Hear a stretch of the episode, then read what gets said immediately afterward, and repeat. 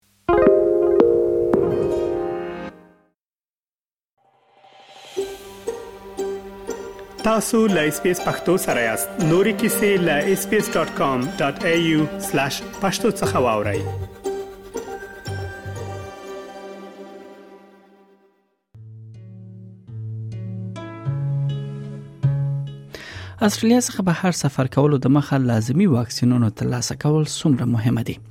استرالیان چې بهر ته سفر کوي ممکن واکسین ته اړتیا ولري تر څو د ساري ناروغیو څخه ځان وژغوري ځکه دا ناروغي په استرالیا کې شتون نه لري او د نړۍ په نورو برخو کې بیا ډیر عام وي په دې رپورت کې مونږ دا تاسو تشریح کوو چې کله د نړۍ زینو برخو ته تاسو سفر کوئ کوم واکسین ته تاسو اړتیا لرئ د غره پورډ اوریدو ته مو ملتیا وکړئ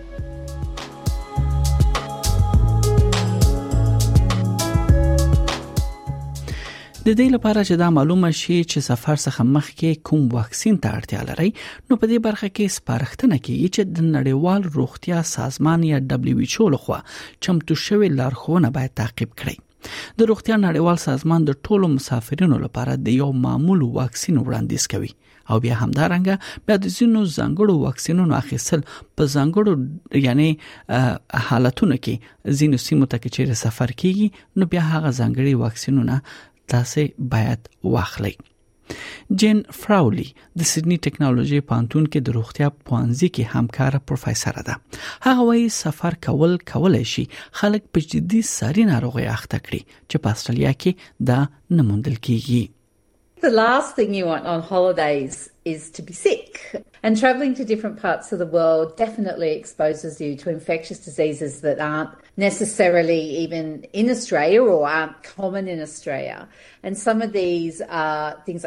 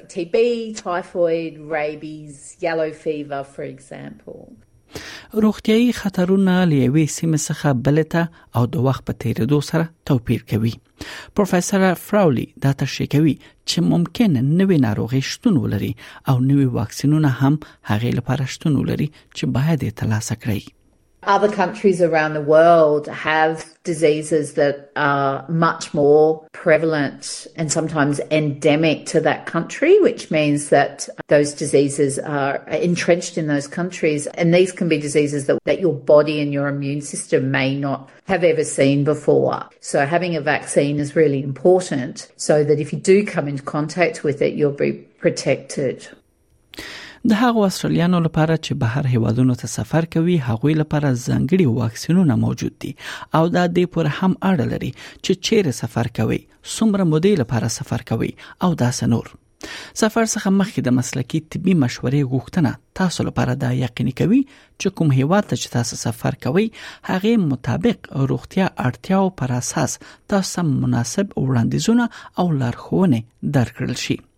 پروفیسور فراولی ټول مسافرینو ته مشور مشوره ورکوي چې د خپل عمومي متخصص ډاکټر یا جی پی سره مشوره وکړي ترڅو د دوی ځانګړي سفر پلانونو لپاره تاسو ته اړین واکسینونه درکړي Depending on the country that you're going to, they'll have a list of vaccines. Some countries have uh, compulsory vaccines as well. So if you're visiting that country, you have to show proof that you have certain vaccines. So your GP will know that. And your GP will also know what vaccines you've had. So they'll know whether you need a tetanus booster or, for example, COVID 19.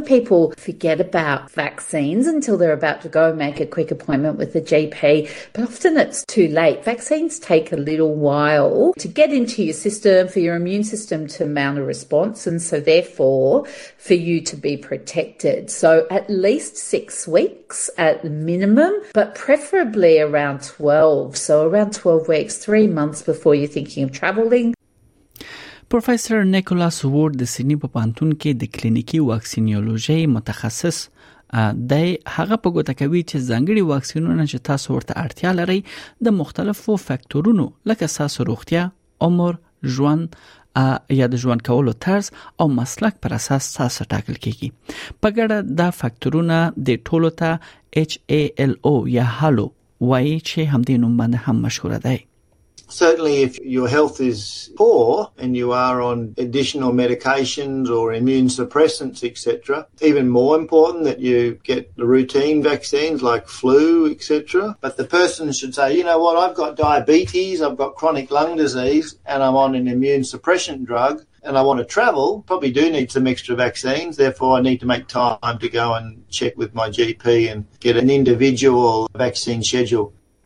ډېری واکسینونه شتون لري چې معمولا د استرالیا مسافرینو لپاره وړاندیز شوي دي او یا هغوی لپاره اړین دي په شمول د هپاتایتس A ټایفاید تبه ژیړه تبه مننګو کوکل ناروغي کووید 19 او ربز او ځینې نور پروفیسور وود وایي چې د د انتانات کولای شي چې د سخت ناروغي لامل شي حتی په هغو کسانو کې چې معمولا مناسب او صحتمند ښکاري ریبز د ورته ناروغي یو بیلګه ده Having a vaccine for rabies is really important depending on where you're going because there's no treatment for rabies. So if you get rabies, you basically can get very, very sick. Parts of the countries where there might be infected dogs or even bats, you can be bitten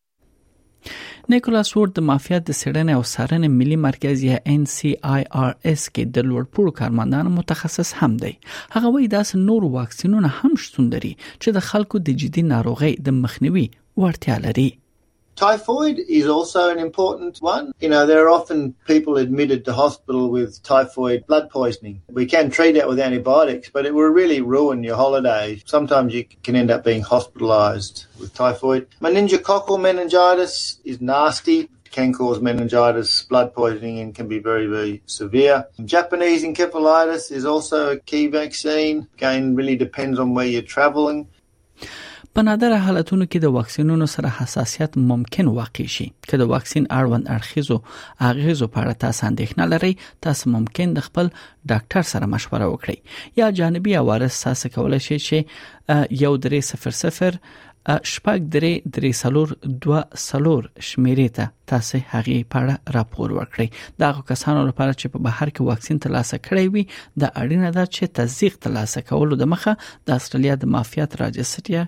راجستر یا ای آی آر کې دا هم ثبت کړئ